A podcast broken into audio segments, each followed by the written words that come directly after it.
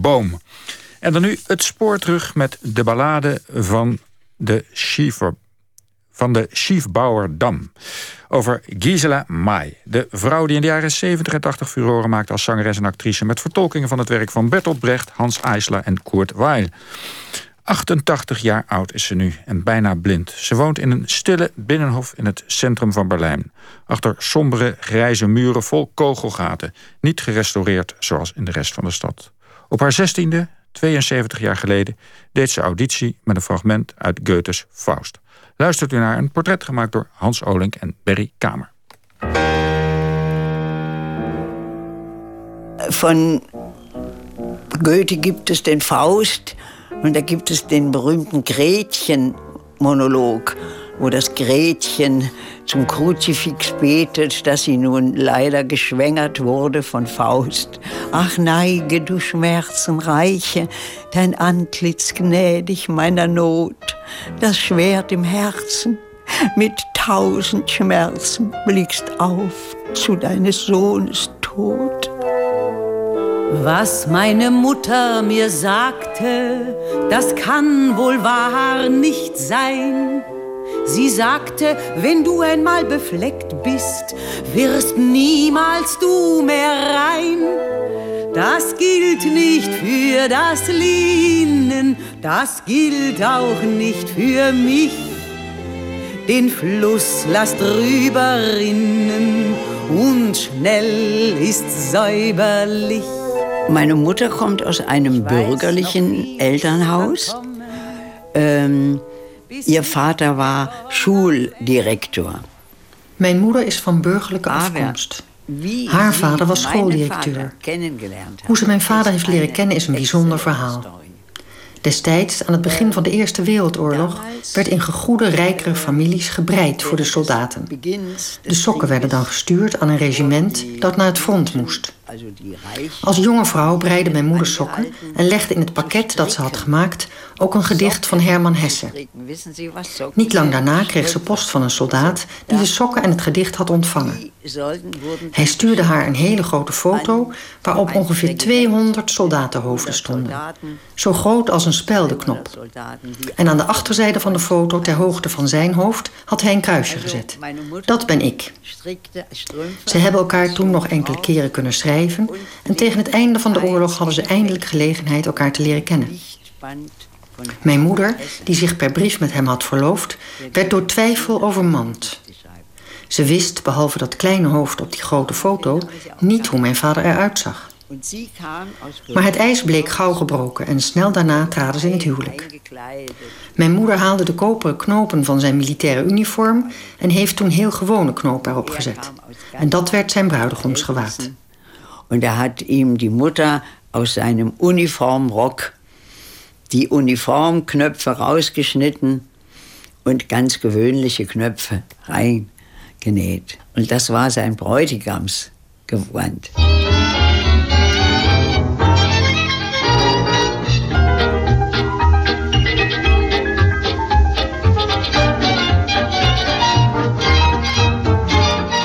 Indem meine Mutter Schauspielerin war und mein Vater Literat. Omdat mijn moeder actrice en mijn vader literator was, was het theater voor mij als kind vanzelfsprekend. Mijn moeder was het er dan ook helemaal mee eens toen ik op mijn vijftiende zei dat ik actrice wilde worden. Als eerste heb ik toen een tekst van onder andere Goethe uit mijn hoofd geleerd, een gedicht en meerdere citaten uit Faust. Een zeer tragisch verhaal. Maar de toelatingscommissie zei dat ze mij zo komisch vonden dat ze mij alleen maar voor die rollen wilden hebben.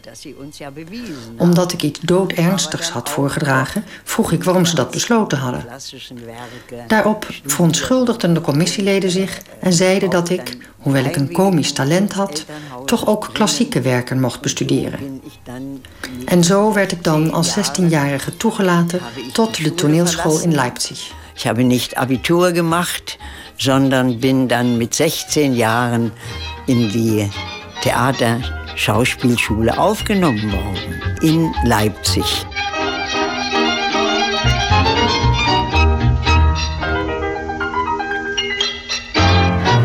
Achtung, Achtung, Hier ist das Mikrofon der Hauptstadt der Bewegung.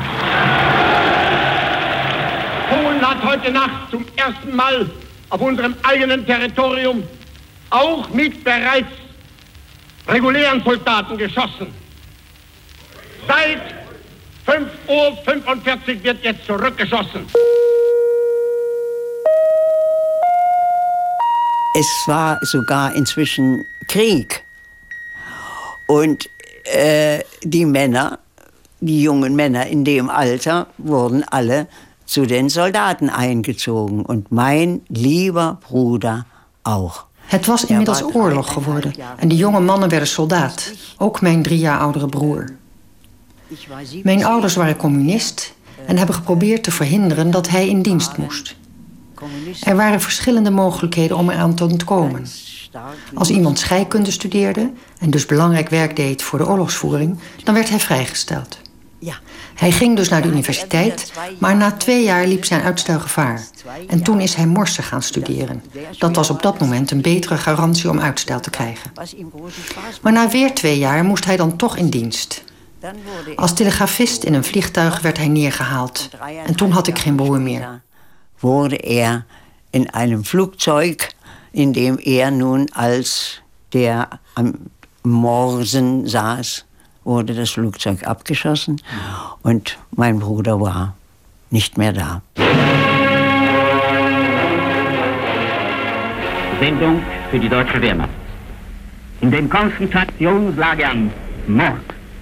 In den Irrenanstalten Mord. In den Altersheimen Mord. Und Mord an der deutschen Jugend auf den Schlachtfeldern von Russland. Sie hörten soeben einen Offizier des britischen Generalstabs. Een fragment uit Es wechseln die Zeiten, de autobiografie van Gisela May. Bladzijde 28. Mijn dagelijkse leven op de theaterschool werd door ingrijpende gebeurtenissen wreed verstoord. Het lot van mijn broer, arrestaties van goede vrienden van mijn ouders, overlijdensberichten van gevallen kameraden van mijn broer. In het dagboekje dat Sas, mijn pianoleraar, mij had geschonken, schreef ik op 16-jarige leeftijd: Ik ben door doden omgeven. Ook moesten we bombardementen zien te overleven, gebrek aan levensmiddelen, een permanente overwinningsroes, nazi-enthousiasme, verblinding. Ik zocht afleiding in de bioscoop, droomde over een carrière als beroemde actrice. Maar van Sas hoorde ik niets meer. Later bleek hij te zijn terechtgesteld.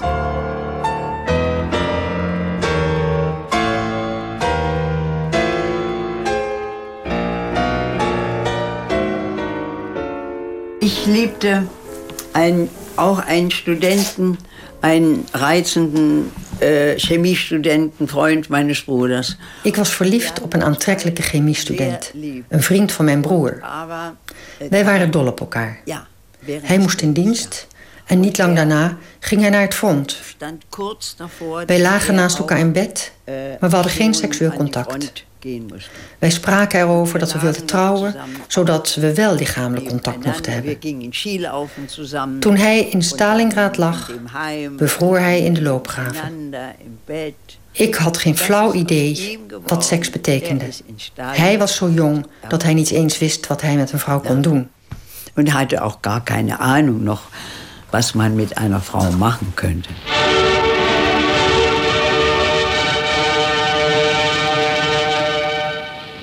Dem Führerhauptquartier 3. Februar 1943. Das Oberkommando der Wehrmacht gibt bekannt. Der Kampf um Stalingrad ist zu Ende. Een fragment uit Es wechseln die Zeiten, bladzijde 22. Om aan de nazi-ideologie te ontkomen, had ik een plekje in een radiokoor bemachtigd. Een koor dat zich vrijwel uitsluitend aan de klassieke muziek wijde. Hier kwamen jonge mensen samen, die muzikaal en idealistisch ingesteld waren en zich als samensweerders opgesloten hadden. Iedere poging om ons aan de nazi-ideologie te onderwerpen mislukte. Over de communistische, hoogst gevaarlijke ondernemingen van mijn ouders kon ik echter met niemand praten. Maar ik werd ook niet in alles ingewijd. Van vele illegale acties werd ik bewust weggehouden. Hoe gemakkelijk zou ik mijn familie en mijzelf door naïviteit in gevaar hebben kunnen brengen?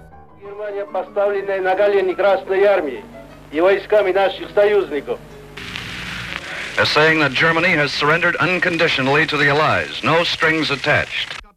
A short time ago, an American airplane dropped one bomb on Hiroshima and destroyed its usefulness to the enemy. That bomb has more power than 20,000 tons of TNT. It is an atomic bomb. It is a harnessing of the basic power of the universe. Meine äh, junge Anfängerzeit als Schauspielerin konnte erst beginnen, nachdem dann der Krieg zu Ende war. Mijn tijd als jonge actrice kon pas echt beginnen toen de oorlog afgelopen was. De theaters waren nog koud. Er was niets om te verwarmen. De toeschouwers hoefden geen kaartje te kopen, maar moesten een briket meenemen die in de kachel van het theater werd gestopt. Wij hadden het altijd koud hadden altijd honger, tot er een zekere normaliteit zijn intrede deed. Ik wisselde toen van theater, omdat ik in Leipzig steeds als de kleine actrice werd gezien en niet serieus werd genomen. Zo voelde ik dat. Ik kreeg de kleinste rollen en geen hoofdrollen. Ja, nein, nicht eigentlich, weil ich eben immer nur kleinste Rollen bekam, keine Hauptrollen.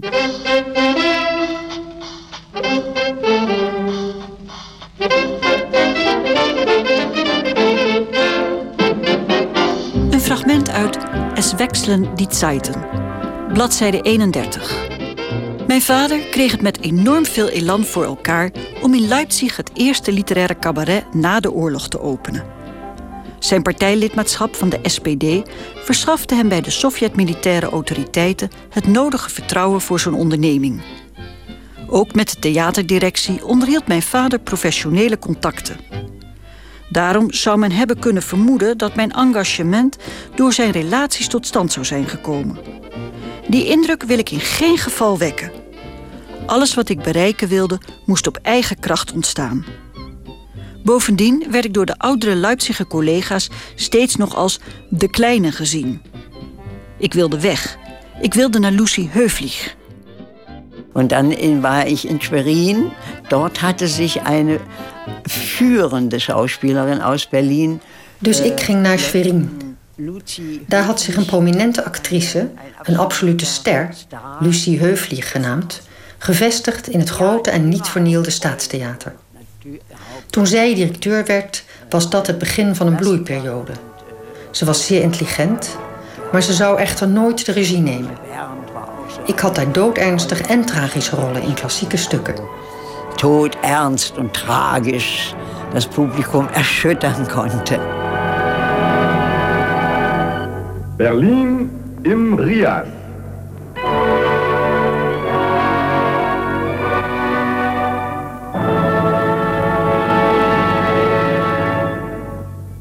Heute 50. Tag der Blockade Berlins. Ich gehe immer, wenn ich äh, politisch befragt werde, davon auch das Kriegsende aus.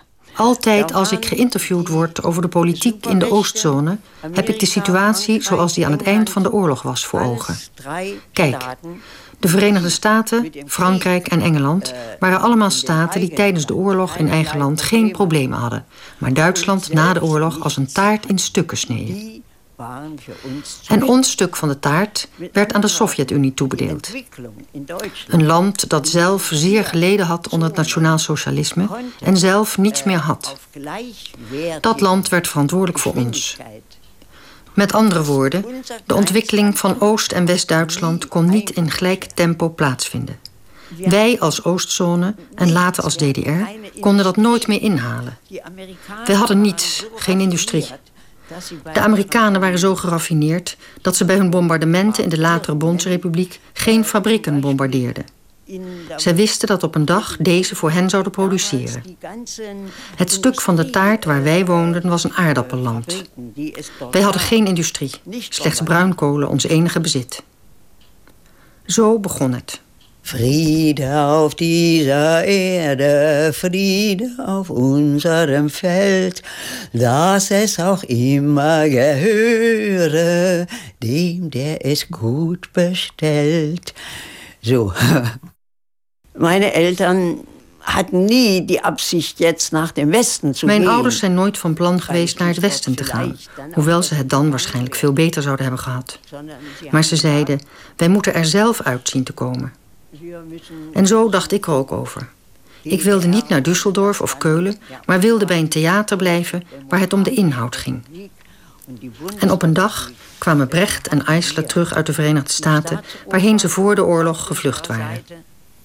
Zij hebben bewust voor de DDR gekozen om daar theater te maken in het Theater am Schiefbouwer Dam met zijn Berliner Ensemble. Wij hadden in Oost-Berlijn de Staatsoper, de Komische Oper, het Deutsche Theater. Het hele centrum van theater, dat er tijdens de vrede ook al was, lag in ons deel van Duitsland. De West-Berlijners die naar ons theater kwamen, moesten 60 mark betalen om goed theater in het oosten te zien. Zo was de ontwikkeling. Ik geloof 60 euro of 30 euro betalen om dan im Osten gutes theater te zien. Zo was die ontwikkeling.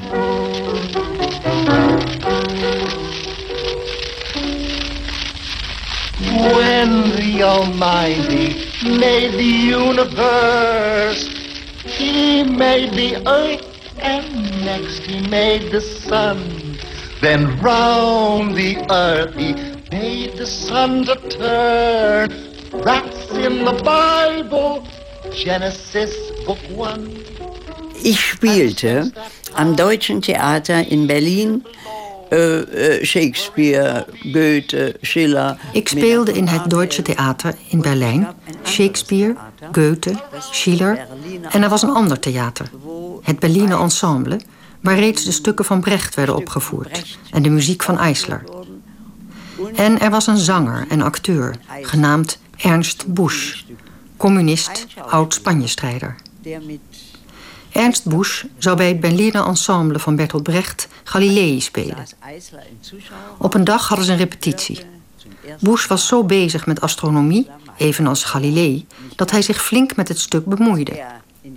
Hij was zo fanatiek bezig dat hij Brecht op de zenuwen werkte.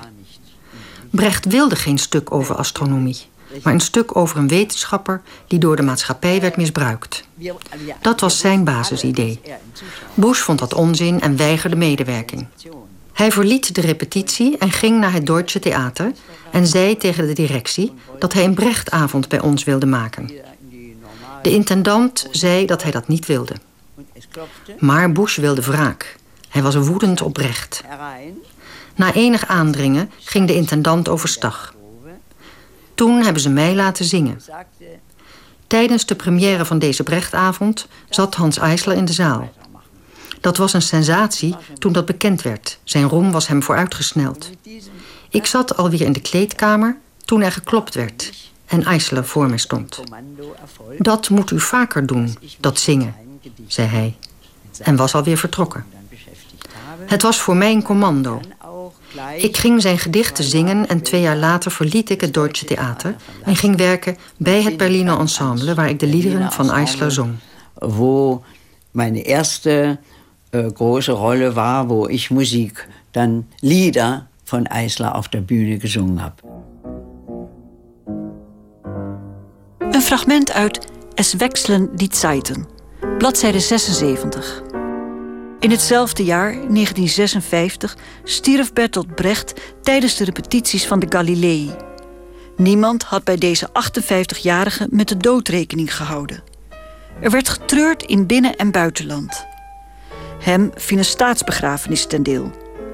Overeenkomstig zijn wens op het Dorothea-Städtische Friedhof, vlakbij zijn woning. Slechts zeven jaren waren Brecht vergund geweest om zijn epische theater praktisch te verwezenlijken.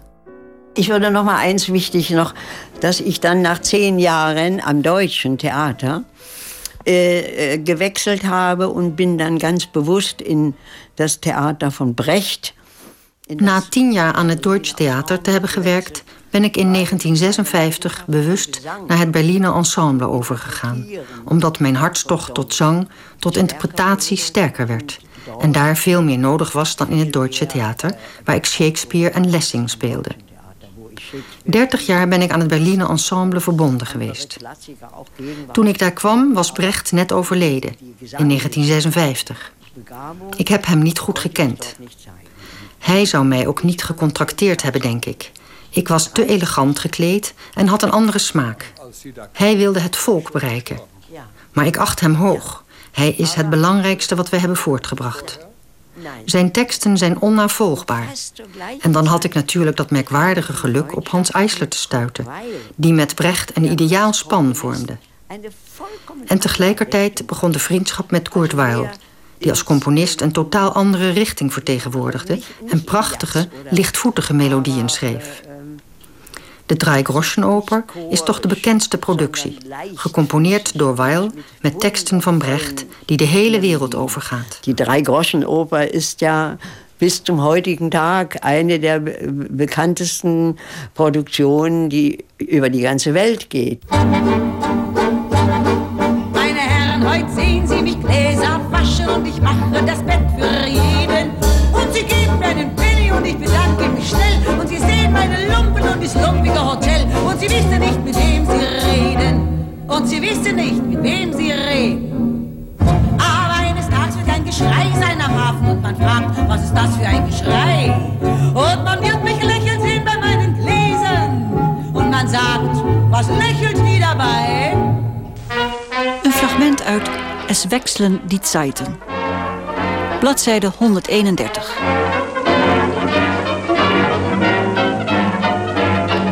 Mijn repertoire aan Brechtliederen bestond in die tijd slechts uit vier of vijf titels. Om een hele avond als soliste te brengen had ik een programma van ongeveer twintig liederen nodig. Hoe kreeg ik dat voor elkaar? Maar mijn eerzucht was gewekt. Die kans kon ik niet laten lopen. Zo begon ik de gehele gecomponeerde Brechtliteratuur te onderzoeken. Ik begon alles te verzamelen wat er aan langspeelplaten was. Toen begon ik te kiezen.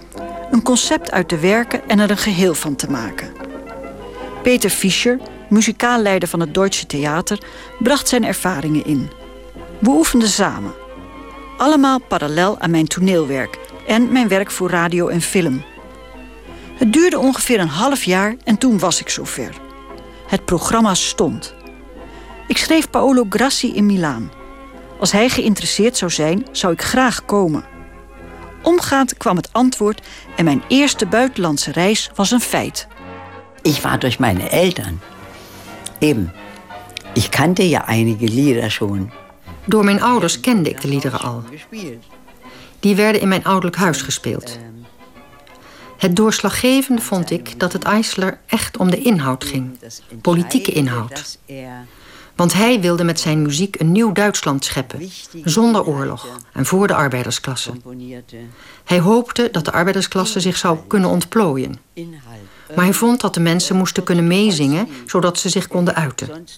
Dus schreef hij ook koorliederen, waardoor hij zijn compositorische ideeën op de achtergrond stelde. Hij vertrouwde mij alles toe en voerde heel weinig veranderingen door.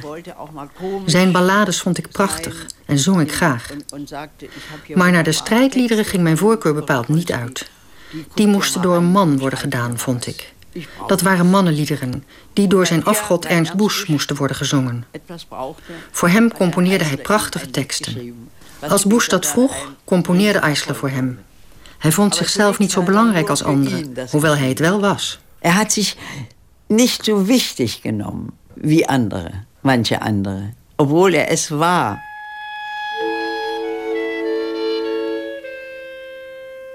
In neuem Licht erscheint den Liebenden die Landschaft im Frühjahr.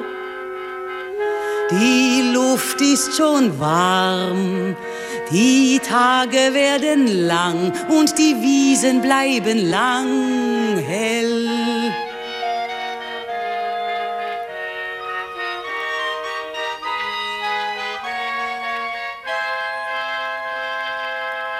Ernst Busch, ich bin froh, dass ich äh, äh, äh, mit solchen Material, um, ich nenne es ganz brutal Material, Ein Lied, Noten. Ernst äh, Busch hoort in het rijtje Kurt Weill, Hans Eisler en Bertolt Brecht. Ik ben blij dat ik met hen gespeeld en gezongen heb. Het was prachtig materiaal. Het heeft me gelukkig gemaakt. Ook dat ik op tournee mocht met hun materiaal was een geschenk. Zo heb ik Europa en de Verenigde Staten doorgereisd. Het DDR-regime vond dat geen enkel probleem. Ze wisten dat ik terug zou keren en niet zou vluchten. Waarom zou ik? Ik hoorde in de DDR. In de Verenigde Staten begonnen ze al te bibberen als ze hoorden dat ik uit de DDR kwam. Worden daar geen mensen vermoord? vroegen ze zich af. Wat wil die vrouw van ons? Wat doet ze hier? Kan ze eigenlijk wel met mes en vork eten? Zo was de mentaliteit in de Verenigde Staten in de jaren 50. Zo was in etwa in, in Amerika durchaus nog auch die Haltung. Mutter, Beinlein hat ein Holzbein, damit kann sie ganz gut gehen. Und mit nem Schuh und wenn wir brav sind, dürfen wir das Holzbein sehen.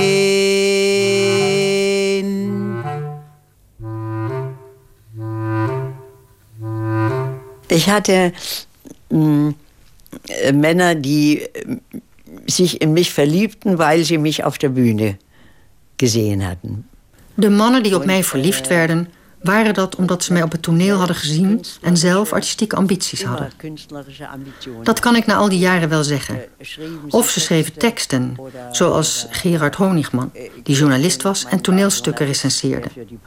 Ze gingen naar premières en waren er trots op dat ik succesvol was. Ze namen het voor lief dat ik geen perfecte huisvrouw was. Ze waren er trots op dat ik succes had op de bühne. Maar ze hadden ook hun eigen werk.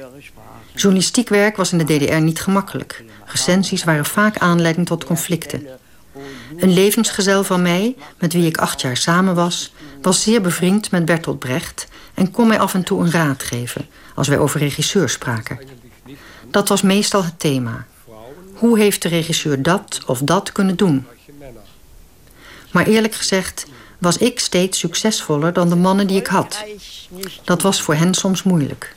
Als we moesten tanken met de auto en de pomp bediende zij niet Herr Honigman, maar Herr Mai, hoeveel liter heeft u nodig? Dat moest mijn man dan verwerken. Dat was niet eenvoudig. Wenn er zum Beispiel mit unserem Auto zum Tanken gefahren ist und der Tankwart äh, nicht sagte, Herr Dr. Honigmann, sondern ach, Herr May, wie viel Liter brauchen Sie denn, nicht? Das war nicht einfach manchmal. Wer immer seinen Schuh gespart, dem ward er nie zerfranst. Und wer nie müd noch traurig ward, der hat auch nie getanzt. Gott pfeift die schönste Melodie, stets auf dem letzten Loch. Ein, ein Leben mit, mit großen Höhen und mit tiefen Einbrüchen, mit der internationalen Situation des Weltkriegs. Ik heb een leven gehad met sterke hoogte- en dieptepunten. Alles in breuken. De wereldoorlog, de domheid van de mensenheden ten dagen. Die techniek die alles opzuigt wat een mens aan vaardigheden ontwikkelt. Men schrijft geen brieven meer. Men stuurt e-mails. Men drukt op een knop en weet dat Gisela Mai vier jaar geleden nog in New York heeft opgetreden. Men hoeft zelf niet meer te denken. De techniek neemt alles over. In zoverre is het niet erg dat ik over enige tijd afscheid neem van het leven. En insofern is het mir niet zo schlimm, dat ik in etlichen Jahren dan mich für immer verabschiede. Ach, ich kann nicht mehr.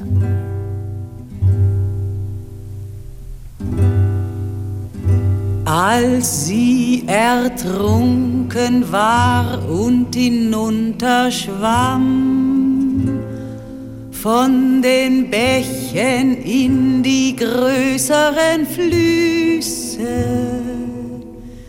schien der Opal des Himmels sehr wundersam. Ja, dit was de ballade van de Schiefbouwerdam over Gisela